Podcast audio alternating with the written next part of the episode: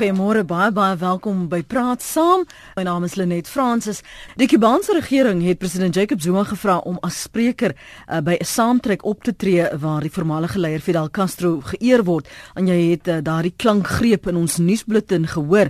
Die leier van die EFF, Julius Malema, en 'n afvaardiging van die Suid-Afrikaanse Kommuniste Party sal na verwagting ook die begrafnis in Santiago bywoon.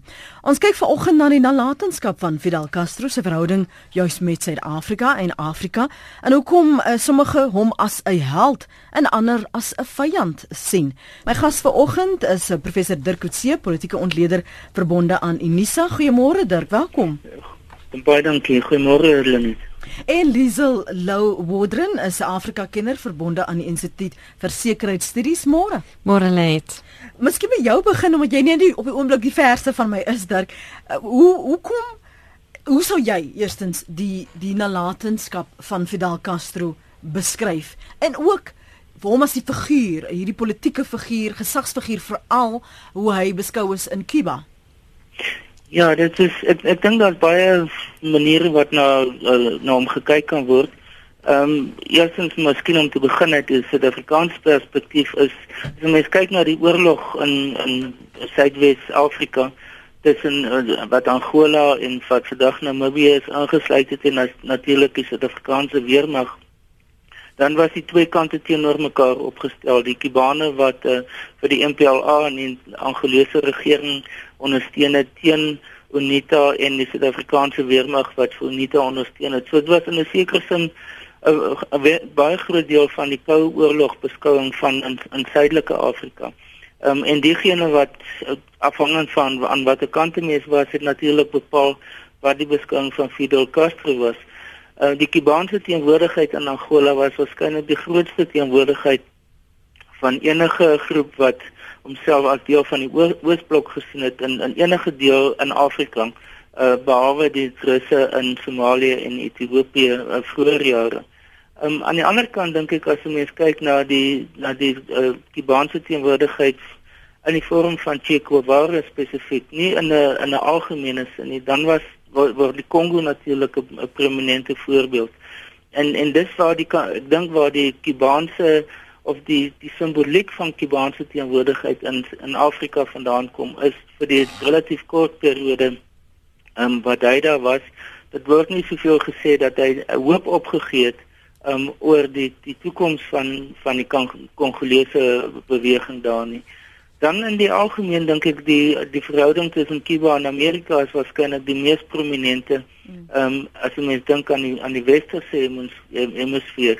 Um en dan die Kubaanse missielkrisis van 1962 en wat daarop gevolg het met die blokkade die Kubane wat uh, wat Kuba verloor uh, verlaat het um en na bannelinge en wat veral na Florida toe beweeg het.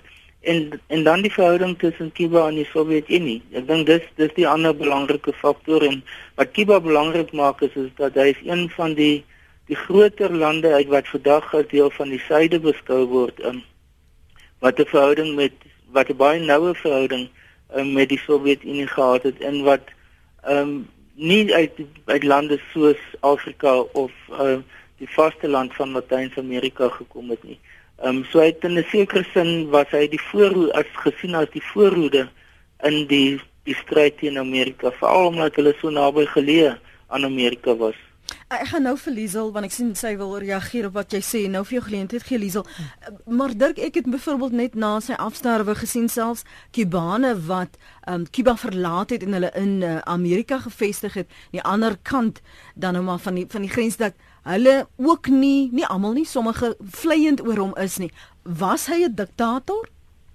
Wel uit hulle perspektief definitief so. Ek bedoel diegene wat natuurlik ten gunste is van die idee van 'n oop samelewing van 'n demokratiese multipartytelsel vir hulle was hy die, die groot vyand, die groot opponent gewees in die persoon wat hom geskaar het aan die Oosblok of of die Sowjetunie en wat as gevolg daarvan hulle toegang tot westerse lande in 'n groot mate beperk het. So uit, uit daardie perspektief definitief.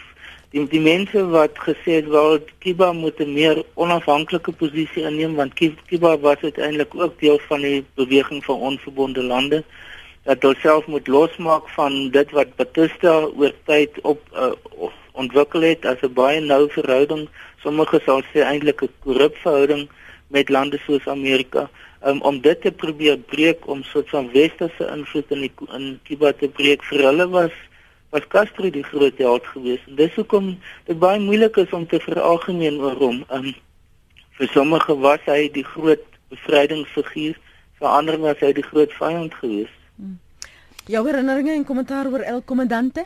Ja, ehm um, Lenet ek ek stem saam. Hy's 'n baie omstrede figuur nou nog. Ons het gesien in Miami die uh opponente van Fidel Castro wat fees vier mm. omdat hy omdat hy dood is.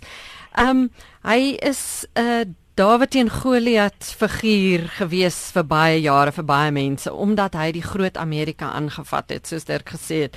En ehm um, het ook by die onverbonde lande um homself as leier soort van uitgebeeld. Die Koue Oorlog was 'n hele ander dinamiek en baie belangrik vir ons om daai konteks te sien. Maar ek dink um mens moenie uit die oog verloor dat hy vir 47 jaar geregeer het nie. Dit is nie Cuba is nou nog nie 'n demokrasie nie. Castro het aangehou om 'n kommunis te wees baie lank nadat die Sowjetunie nie meer was nie. En ehm um, so hy het gespeel op hierdie sê die Dawid en Goliat figuur. Ehm um, hy het hom vir homself 'n mite geskep en toe nou oorgegaan oorgeneem uh oorgegee aan sy broer. So geen uh, demokrasie nie. Ehm um, in die tyd toe hy nog ehm um, Kuba regeer het, was daar mense eh, 'n uh, blokkade. Jy kon nie uit Kuba gaan nie. As jy gevlug het, kan 'n mens sê, kon jy nie weer terugkom nie. So families is uitmekaar hmm. geskeur. Daar's opponente, daar was geen vrye media nie. Opponente is in die tronk gegooi. Ehm um, so nou sien ons mense in lang rye staan amper soos by uh oud president Mandela se begrafnis. En dan vra mense die vraag nou wat gaan hier aan? Aan die een kant in Miami is mense besig om feeste vier en aan die ander kant ehm um, is daar hierdie uh ehm um, ophemeling van hom. En ek dink ehm um, 'n figuur soos Robert Mugabe wat natuurlik ook by die begrafnis is saam met ehm um, president Jacob Zuma en net 'n paar staatshoofde. Daar's geen Vladimir Putin, Europese leiers, Barack Obama, niemand is daar nie juis weens daai omstredenheid. Hulle kan nie eintlik gesien word om hulself te skaar met 'n figuur soos Fidel Castro nie, maar die Zimbabwe's van uh die wêreld sien hom as 'n voorbeeld.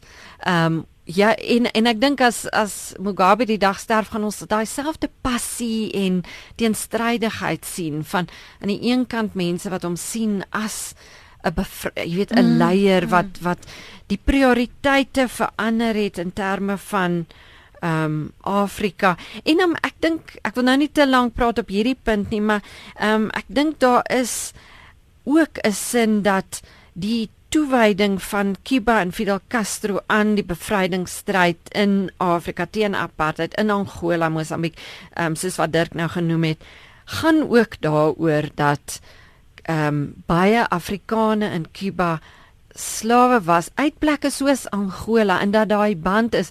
Ons het ons praat nou vandag oor ehm um, Black Lives Matter, die hele ehm um, Pan-Afrikanisme, hmm. Global Africa, soos wat ons nou hierdie week gehoor het, daar was 'n groot konferensie hierso in Johannesburg oor ehm um, die hierdie globale Afrika beweging. So, jy weet, dit gaan nie net daaroor dat ehm um, Fidel Castro die on, onafhanklikheidsbewegings gehelp het en die leier was van of 'n uh, 'n uh, groot figuur was van die onverbonde lande nie. Maar daar is ook daai band tussen die Wes-Indiese eilande en. Afrika wat vandag nog voortduur en wat implikasies het vir ons vandag. Dit dit is net vir my vreemd en en, en die hmm. teenstrydigheid Dirk Liesel is dat jy die armoede En dan het jy nog steeds hierdie romantisering van Fidel en van Cuba. Jy kyk na die foto's, jy kyk na Havana, die die fascinasie met sigare, die met die musiek en ja. jy, jy sien eintlik daar ikoniese foto's. En dit vir my is soos 'n wa, waaraan hou mense nog vas? Presies. Ja, daar is daai verwarring en mense sal telke male hoor. Jy weet ek het nou die verklaring gesien van Nkosazana Dlamini Zuma by die AI van hoe fantasties ehm um, Fidel Castro was vir sy mense, gesondheid, ehm um, onderwys. Daar was ons ons weet, daar was baie Kubaanse dokters hier in Suid-Afrika. Hy het basies toe aan bewind gekom het die gesondheidstelsel en die onderwysstelsel genasionaliseer en gesê dis 'n mensereg en dis uh, gratis. So almal, jy weet, in 'n klein landjie soos Kuba op 'n eiland land is dit waarskynlik 'n bietjie makliker en met baie geld wat ingepomp is, miljarde rande van die Sowjetunie. Dit's bietjie makliker om gratis onderwys te gee as in 'n land soos Suid-Afrika met 60 miljoen of 50 miljoen inwoners. Ek weet nie wat Dirk daarvan dink nie, maar ek ek sou sê ehm um, dit daai is 'n goeie voorbeeld vir ons, maar ehm um, ek dink daar's ook 'n hele ander narratief wat 'n mens daar rondom kan bou seker. Dirk, gaan jy nou kans gee? Hans hou net vir my gaan aan hier in Pretoria, Dirk? Ja, ek ek stem in 'n mate saam met uh, met haar. Dit is as jy mens kyk na die die objektiewe vlak van die die lewenskwaliteit daar in terme van mense se inkomste, dan is dit natuurlik heeltemal anders of is dit onvergelykbaar met met lande wat baie naby is soos westerse lande, meer ontwikkelde lande. Maar mense dink terug aan die soort van die die ehm um, simpatie wat wat daar ook kort na die val van die muur in Oos-Europa was wat daar as gevolg van die privatisering wat daar plaasgevind het as gevolg van die die ongelykhede wat meer ontwikkel het in lande soos Pole en Bulgarië en Roemenië en mens kan almal van hulle noem um, was daar 'n teruginkring na die ou bedeling geweest uh, wat daar omtrent volle indiensneming was wat huisvesting goed, uh, goed uh, vir die meeste mense beskikbaar was nie noodwendig op die vlak wat baie mense dit nou wil hê nie. Dit was op 'n laer vlak geweest ek dink die die ander ek het nou onlangs 'n artikel gelees waarin mense sê dat um, waar die invloed van Fidel Castro eintlik die meeste ervaar is was nie in die groot sentrums in Cuba nie maar meer op die platteland um, wat persone wat as klein boere as uh, oorlewings wat eintlik gesukkel het om te oorleef van vanuit die landbou wat hulle kinders begin geleentheid kry het om universiteit toe te gaan, opleiding te kry, dokters te word, ingenieurs te word. Um en dan 'n ander belangrike aspek wat ons wat ons ook moet noem is is hoe goed Kiba op 'n stadium aan sport was. Ek meen mense dink dat terug aan die baie bekende ou 800 meter atleet Juan Tonero wat uiteindelik 'n Olimpiese uh, kampioen geword het, onder meer onlangs die wêreldhoogspringkampioen. Sport is ook gebruik as 'n manier om te wys dat die dat die samelewing, die Kubaanse samelewing is kan kompeteer met die beste in die wêreld. Ehm um, dat die opvoedingsproses en die gesondheidsdienste in in Kuba as gevolg daarvan ook van so gehalte is dat dit kampioene kan lewer. Nou dis alles op 'n simboliese vlak sommige sal selfs kan sê op 'n ideologiese vlak wat dit plaasgevind het om te wys dat Cuba is nie soos hulle in Engels sê 'n basket case nie. Ehm um, en ek dink dis dis die die simboliek wat nou weer terugkom um, in die geval van Fidel Castro. So op 'n objektiewe vlak ja, die die lewenskwaliteit of die lewensstandaard was baie laer as baie ander lande.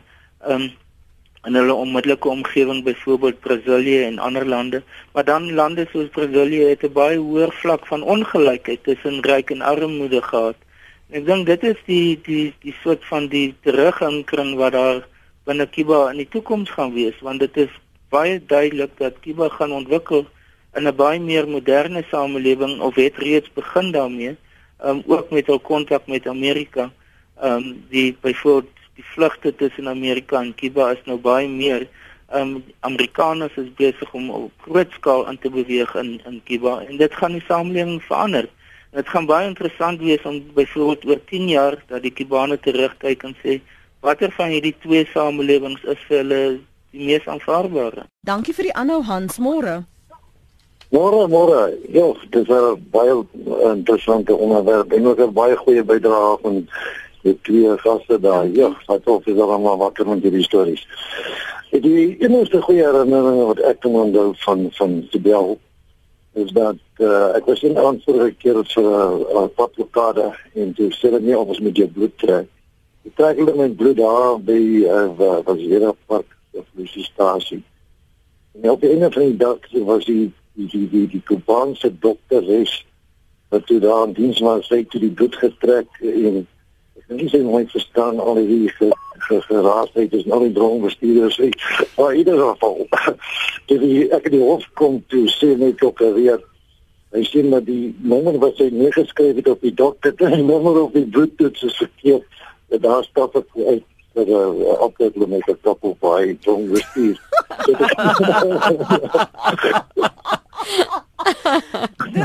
Hans, ek ek wil nie vir ek wil nog nie lelik wees nie.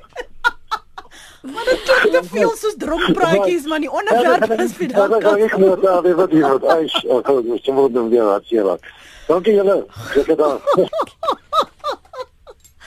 Klink regtig soos dronkpraatjies want ons praat oor Fidel Castro en sy nalatenskap in verhouding met Suid-Afrika en uh, spesifiek ons voormalige uh, presidente, maar kom ons oor gou sy brand vir ons uh, vir ons 'n bietjie genigte raak in die breek. Wat het jy op die hart? Goeiemôre aan almal, dis Sybrand van Heidelberg. Twee dinge. Uh, Eerstens ek onthou baie goed die Kubaanse missielkrisis. Ek was 'n jong man mm. gewees destyds met generaal dus uh, president Kennedy en Castro moet ook al sê. Twee dinge wat ek wil vra. Ek onthou ook baie duidelik hoe uh, die berigte deurgekom het toe Batista gevlug het en Castro oorgeneem het. Eersgenoemde was ook 'n diktator gewees en later het Castro oorgeneem na my mening ook 'n diktator wat is die verskil tussen twee regerings? Weet, een slegte regering met 'n ander regeringsvorm vervang. Dis 'n een kommentaar. Die ander een is die ding van onverbonde lande wat jy genoem het. Ek weet bietjie van die punt af. Jy weet, dit is my uh, uh, onding, dit is nie regte benaming nie. Jy is of teen die weste of vir die weste. Onverbonde lande was almal geskaar by die die Oosblok, uh, uh, die Russe en dies meer. So hulle kan nie onverbonde wees nie. En die ding oor die jare hier in my altyd gehinder dat jy's of jy's of aan die een kant of die ander kant. Jy kan nie in die middel wees nie want as jy in die middel is, daai wat in die middel was of gesê het hulle was onverbonde, was altyd verbonde aan of verbind aan die die kommunistiese of die Sowjetunie of die Sowjetblok. Net enige kommentaar daaroor asseblief tog. Baie dankie. Baie dankie. Enige verskil vir jou, Dirk? Ja, um, ek, ek dink die die groot verskil is is dat Batista as gesien as iemand wat eintlik in 'n groot mate 'n um, tipe van 'n pion was vir lande soos Amerika dat dit 'n regering of 'n regime was wat oorsaaklik net vir vir die vir 'n klein elite uh in diens was en dat dit tot voordeel vir hulle was en dat 'n groot deel van die bevolking in relatief armoede geleef het en en ook nie gedeel het in in in die inkomste van byvoorbeeld die suikerriet en die en dan die produkte van suikerriet ons weet baie daarvan uh, wat gevolg het nie. So die, die terwyl in die geval van uh, van Castro was sy bedoeling om dit 'n eenpartytelsel te maak soos nie 'n oop politieke bedeling nie, maar dat dit groter sosiale gelykheid moes skep. Um, so ek dink van van uit daardie perspektief was daar ehm um, groter ondersteuning van meer van die arme mense, soos ek gesê die kleinboere op die platteland. Hulle het baie meer toeganklik gevoel tot tot die Castro bedeling of die Castro regime um, terwyl die die Batista regime baie meer ten sterk uh, vir die die middelklas en die die hoërklas, die besigheidsmense in in Kuba tot voordeel was. So dit het gegaan oor wie se belange wat uiteindelik die beste gedeel op bedien deur die verskillende uh, regimes maar maar terselfdertyd en mening dit die die um, kommentaar is korrek is dit nie een van hulle twee wat demokraties gewees nie. So dit gaan oor uiteindelik was die keuse wie se belange is die beste gedien deur watter een van die twee ook. Hmm. En die onverbondenheid dat jy nie werklik kan praat van 'n onverbondenheid nie, dit was eintlik maar teen die weste. Ja, die onverbonde lande, die beweging het hier in die 60er jare begin en Fidel Castro was natuurlik een van die leiers en die slagspreuke van die tyd het gegaan oor anti-imperialisme, anti-kolonialisme. Dis 'n baie ander uh konteks amper as wat ons vandag het. Die onverbonde lande bestaan nog. Daar is iets soos 120 lande. Ek het gou gekyk. Hulle het uh, nou in September hierdie jaar weer 'n vergadering gehad in Venezuela waar daar eintlik maar min van die staatshoofde was. Indië wat een van die stigterlande was. Uh die ehm um, die eerste minister Modi was nie daar nie. Ehm um, uh Nicolas Maduro die die president president wat natuurlik sy land ook nou in die afgrond ingestuur het amper ekonomies, ehm um, het was die gasheer van hierdie ehm um, beweging. Dit het eintlik verkrummel na die uh, koue oorlog. Ehm um, en en soos ek vroeër gesê het, men Fidel Castro het eintlik probeer hierdie mite aanhou van anti-westers nadat die wêreld alreeds radikaal verander het in die 90er jare en so aan. So ehm um, dit was so dat dat baie van die onverbonde lande het geld gekry van die Sowjetunie selfs met die ANC as bevrydingsbeweging. Ehm um, en en dat hulle gesien is hier uit ons perspektief as pro-kommunisme. Maar daar was lande soos Ghana byvoorbeeld Kwame Nkrumah ehm um, wat hulle self nie beskou het as verbonde aan of die weste of die Sowjetunie nie. Hulle wou hulle self anders en ek ek dink dit daar is miskien lyne wat 'n mens kan trek met die met BRICS byvoorbeeld. Hmm. Lande wat voel goed. Ons sit nou in die Veiligheidsraad van die Verenigde uh, Nasies nie. Ehm um, maar ons is nog steeds on, on, ons het ons eie bydra wat ons maak in 'n groot bydra aan die wêreld want ek sê 120 lande is baie ehm um, wat hulle self half nie in die twee blokke wou sien nie, maar maar dit het dit het eintlik alles verander sedert Castro se se tyd. Dirk Liesel het net nou gesê dat eh, Castro en veral Cuba as 'n ware begin nog vasklou aan hierdie idee van wat uh, die Sowjetunie wat al aanbeweeg het uh, in terme van kommunisme. Dit nostalgie wat gepaard gaan uh, en wat mense het oor, oor daardie tydvak. Ek weet een van die luisteraars het byvoorbeeld gepraat van die Kubaanse uh, missielkrisis is dit eintlik wat hierdie verhouding uh, nog voed, hierdie loyaliteit nog voed is juis daardie nostalgie. As jy byvoorbeeld ehm um, Castro se verhouding met uh, Nelson Mandela sou binne daai konteks vir ons beskryf uh, is dit nog 'n teruggryp na 'n era wat was hierdie Dawid Goliat verwysing metafoor wat Liesel vroeër uh, na verwys het? Ja, dit is so. Ek dit, dit ek dink dis een en dis 'n baie belangrike dimensie daarvan ehm um, dat daar hierdie die idee is dat daar sekere lande en Kuba het, het gedien as 'n voorbeeld van 'n land wat nie van die noorde afkom nie, wat nie deel van die Sowjetunie of van China of van die die ander groot lande is, selfs 'n land soos byvoorbeeld Joegoslawië wat ook deel van die onverbonde land is, dat dit 'n land is wat uit die ontwikkelende wêreld uitkom.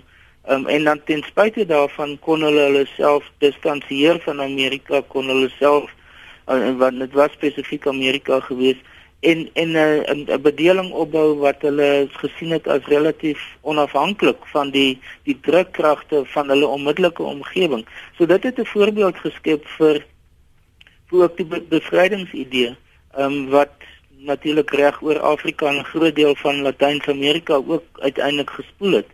Dit dis die een, die ander kant is die werklike ondersteuning wat uh, wat Cuba aan die ANC gegee het. Ehm um, boonbehalwe die meer ehm um, wil amper sê sosiale ondersteuning in die sin van dat baie Suid-Afrikaners daar hulle opvoeding gekry het en en opleiding ehm um, vir om kontribusies spesifiek ehm um, het die Kubanes baie spesifiek intelligensieopleiding gegee wat 'n belangrike deel was. Ehm um, as jy mens teruggaan na die na die 70s en 80s is daar die ANC in verskillende lande verskillende tipe van opleiding gekry in Oos-Duitsland en die Sowjetunie en en dan in in Kuba, boonbehalwe die basiese opleiding in in kampe soos in Angola. Ehm um, so in uit daardie perspektief was was die Kubane baie belangrik. En dan saam daarmee was die teenwoordigheid van die Kubane in Angola hoogs belangrik en simbolies vir vir die ANC gewees omdat op daardie stadium was die ANC se hoofopleidingsbasis was in Angola geweest Hulle is ingetrek in die burgeroorlog of in die Koue Oorlog oorlog in Angola wat 'n direkte impak gehad het op wat vandag Namibië is en wat is die MPLA Kibane SWAPO en die Suid-Afrikaanse weermag almal betrek het. Um, so uit daardie perspektief het die het die ANC dit gesien as 'n bydra wat die Kibane indirek tot die, die Suid-Afrikaanse proses gemaak het. En ek dink wat mens nou as ons kan terugkyk na die periode van 1990 met die onafhanklikwording van van Namibië, ehm um, was die hele onderhandelingsproses wat die Sowjetunie, die VSA, Kuba, Suid-Afrika ehm um, en toe nog die OAE almal ingesluit het, ehm um, ook uh, waarskynlik 'n belangrike eerste stap tot die verwikkelinge in Suid-Afrika in 1990.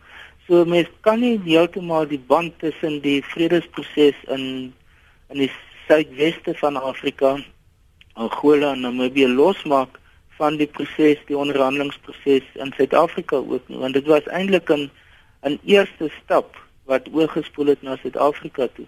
En uit, uit daardie perspektief het die Kubane natuurlik dan ook 'n belangrike rol indirek gespeel vir wat in Suid-Afrika gebeur het.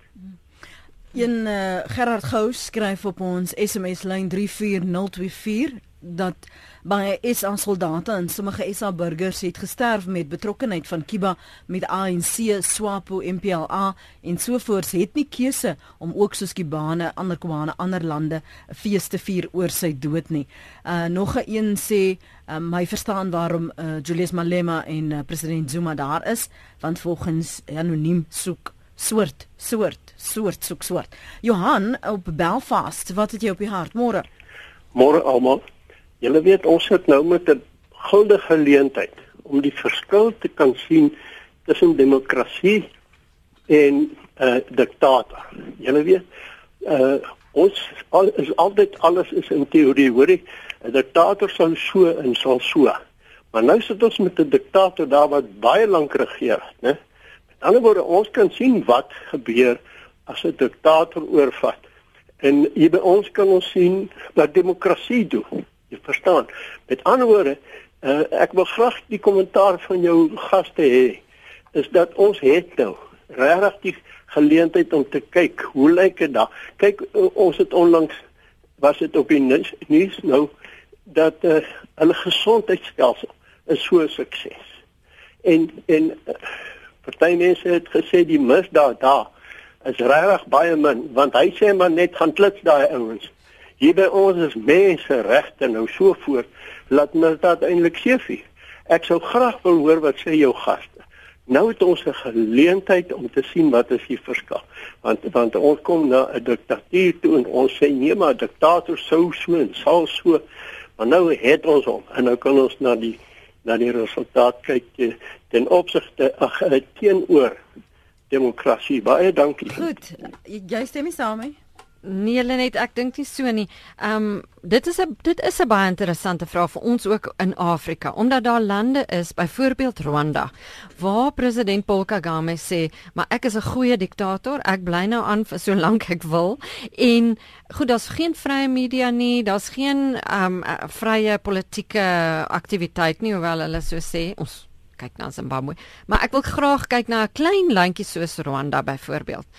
Ehm um, ons sal nou sien wat gebeur en met Fidel Castro was dit dieselfde. As mens kyk na al die kommentaar ehm um, oor sy lewe, hoe langer 'n staatshoof aanbewind bly, al daai goeie dinge wat hy gedoen het, uh, begin stadig maar seker omskep in iets wat vir die gewone burgers 'n uh, tirannie veroorsaak. Daar's geen ehm um, individuele vryheid nie. Ons leef in 'n uh era wat baie anders is as die Koue Oorlog. Waar gewone mense, jong mense, het heeltemal inligting, hulle het kanaaltelevisie, hulle weet wat gebeur langs aan en reg oor die wêreld en daar is be, be onafhanklikheid ag uh um jeugbewegings en so aan.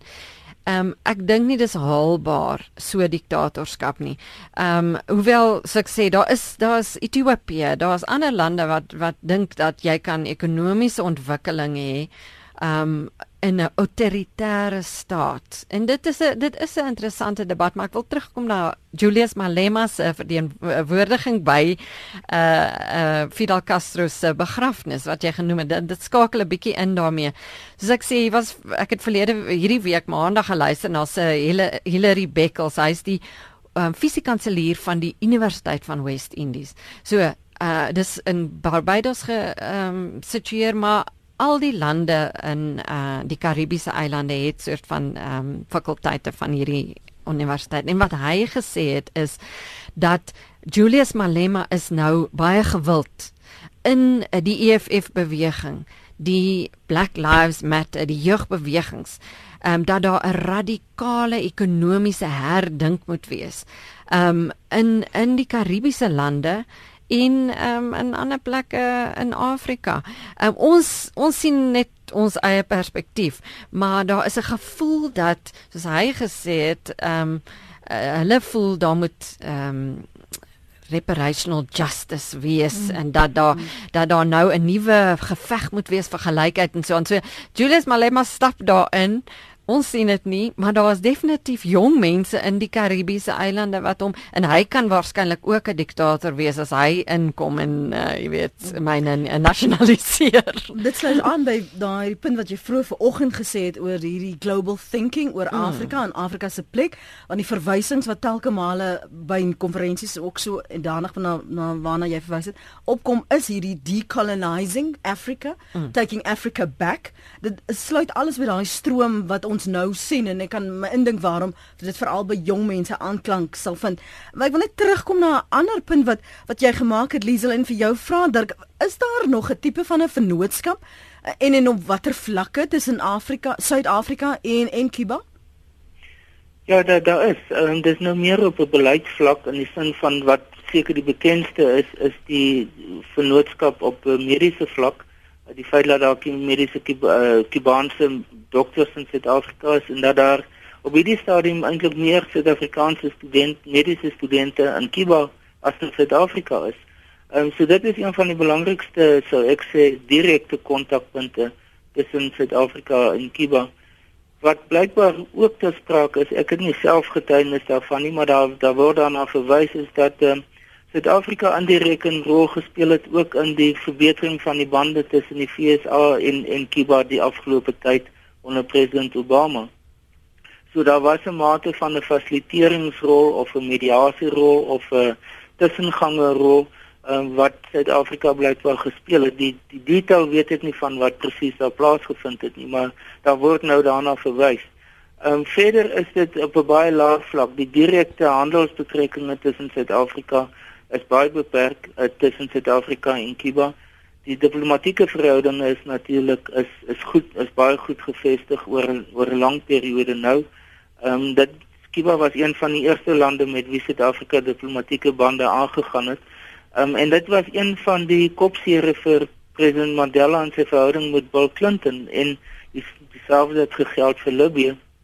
Maar Kuba was eintlik die die meer sensitiewe geval waar die waar ten spyte daarvan dat Bill Clinton en president Mandela baie goeie verhouding gehad het, het hulle op hierdie punt radikaal van mekaar verskil.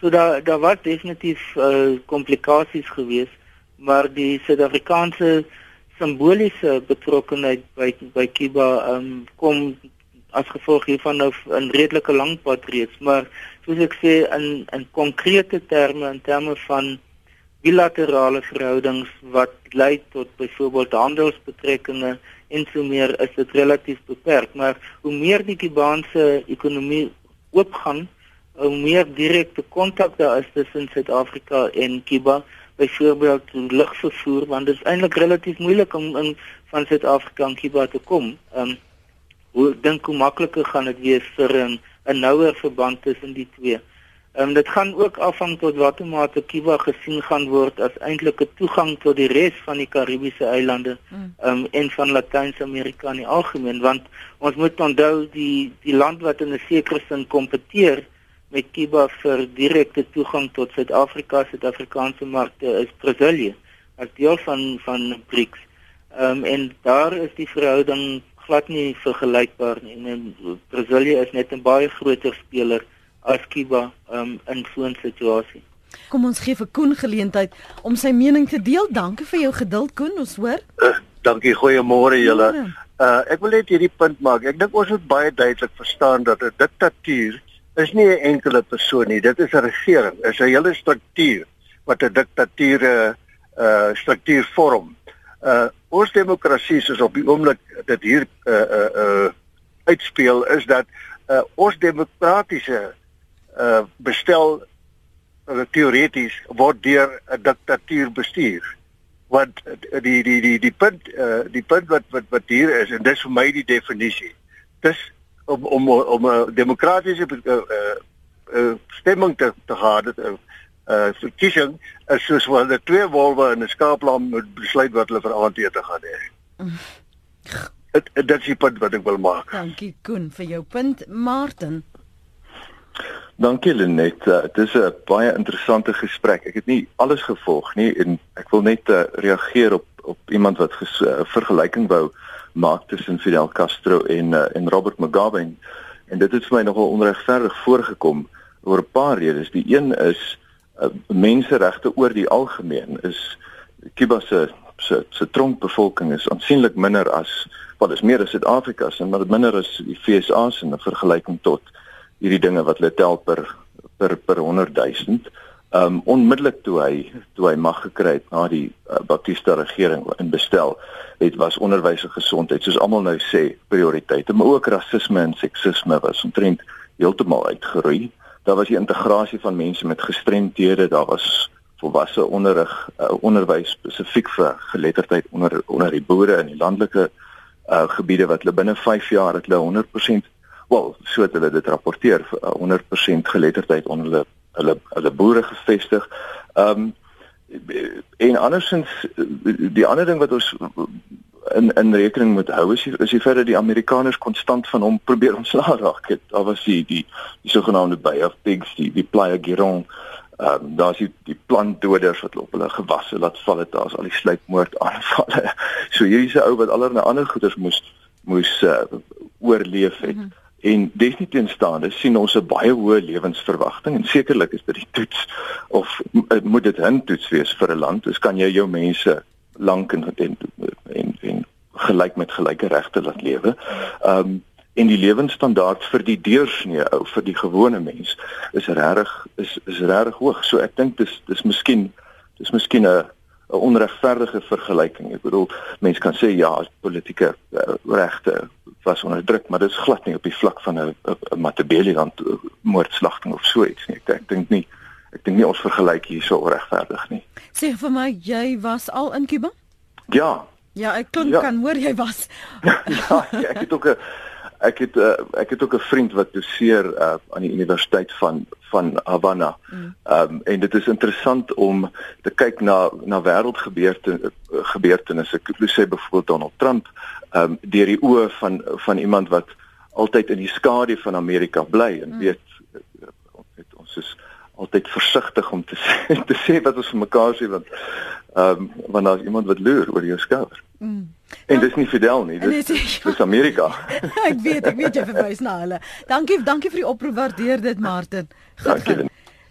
Ja, ehm um, ek dink Lenet baie dankie. Ja, dit dit was interessant. Ek dink ehm um, as ons terugdink toe Mugabe aanvanklik aan bewind gekom het, was mense ook baie um, gelukkig met die hoë gehalte van onderwys en nou nog sê mense uh, Zimbabweërs het 'n goeie onderwysstelsel. Maar dit is dit is onvergelykbaar en ek dink ehm um, dit is so dat Ehm um, waar ek die vergelyking wou tref is die nalatenskap. Is wanneer Mugabe die dag sterf, dan gaan ons ook sien dat daar sommige mense is in Suid-Afrika en elders op die kontinent, definitief in plekke soos Ghana en so net ek self gesien as Mugabe arriveer, dan word daar groot uh, hande geklap. So dis hy is ook 'n kontroversiële figuur in die sin van daar's baie passie en daar is mense wat hom sien as 'n ehm um, 'n held, 'n mitiese figuur, iemand wat ook ehm um, vir Brittanje en die Europeërs en so aan uh jy weet uh, baie aange uh, ja, ek wou dit nou nie so sê nie, maar as jy dit sê Nee, dis nie dat ek dit sê nie, maar dit is waar dit presies waarop dit neerkom en dis wat Fidel Castro ook so gewild gemaak het in daai tyd is omdat hy die groot monster van uh Amerika teengestaan het. Maar uh, gegeewe ehm um, dit is so dat selfs vandag nog in uh in Kuba het Raul baie ook goeie dinge gedoen as Castro se opvolger. Ja, Fidel se opvolger. Gepraat van Raul Dirk van Connie van Dana baie skryf volgens Kuba se grondwet wat in 1976 aanvaar is, is Kuba 'n sosialistiese staat en 'n republiek. Is dit steeds die geval? En wat is Fidel se broer Raul se verhouding met veral die FSA en Rusland as handelsvennote? En dis waar ons gaan afsluit. Ja, dit is so. Hulle het nie hulle amptelike standpunt oor wat hulle identiteit as staat is en samelewing het dan nie verander nie.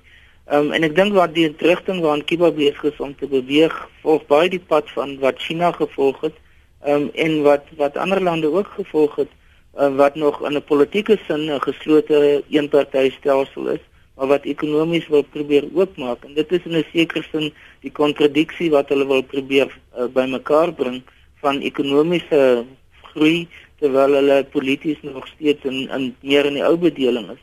Uh, wat ook gebaseer is op op ander lande soos byvoorbeeld Singapore ehm um, lande soos Suid-Korea, ehm um, Taiwan wat almal deur hulle groot groei proses gegaan het terwyl hulle eenpartytstate was.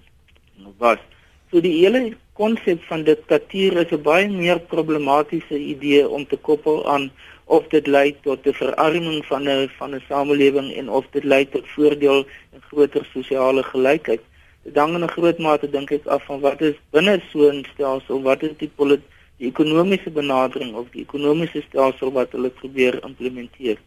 Ehm um, die die verhouding tussen die die FSA en en Cuba is natuurlik as gevolg van die diplomatieke amptelike herstel van diplomatieke verhoudinge is dit besig om oopgemaak te word, maar terselfdertyd is daar eintlik 'n groot uh, uh probleem in onder die bevolking in die algemeen dat hulle voel dit dit vind te stadig plaas ehm um, dat daar gehoor verwagtinge geskep het, maar dat dit nog nie werklik in die praktyk besig is om plaas te vind nie. Daar's soos ek vroeër gesê het en van die uh, die oproepe ook dat daar is ook sekere mense wat wat eintlik baie gereserveerd is oor wat die moontlike ontwikkeling vorentoe gaan wees dat Kiba eintlik sy sy identiteit van tot nou toe gaan verloor en dat dit eh, 'n uh, nuwe bedeling is wat daar gaan ontwikkel wat nie noodwendig tot voordeel van die algemene bevolking gaan wees nie. So dit gaan die die die groot toets wees vir Kiba soos ek sê in die volgende 10 jaar of meer tot watter mate hulle uh, hulle self kan oopmaak maar terselfdertyd kan beskerm sodat hulle nie in 'n ongebreidelde globaliseringsproses aangaan wat uiteindelik weer eens 'n mate 'n groot mate van ongelykheid binne die samelewing tot gevolg kan hê nie. Hmm. En ek dink dit is wat wat Kiba vorentoe vir ons almal 'n belangrike toetsgeval gaan maak.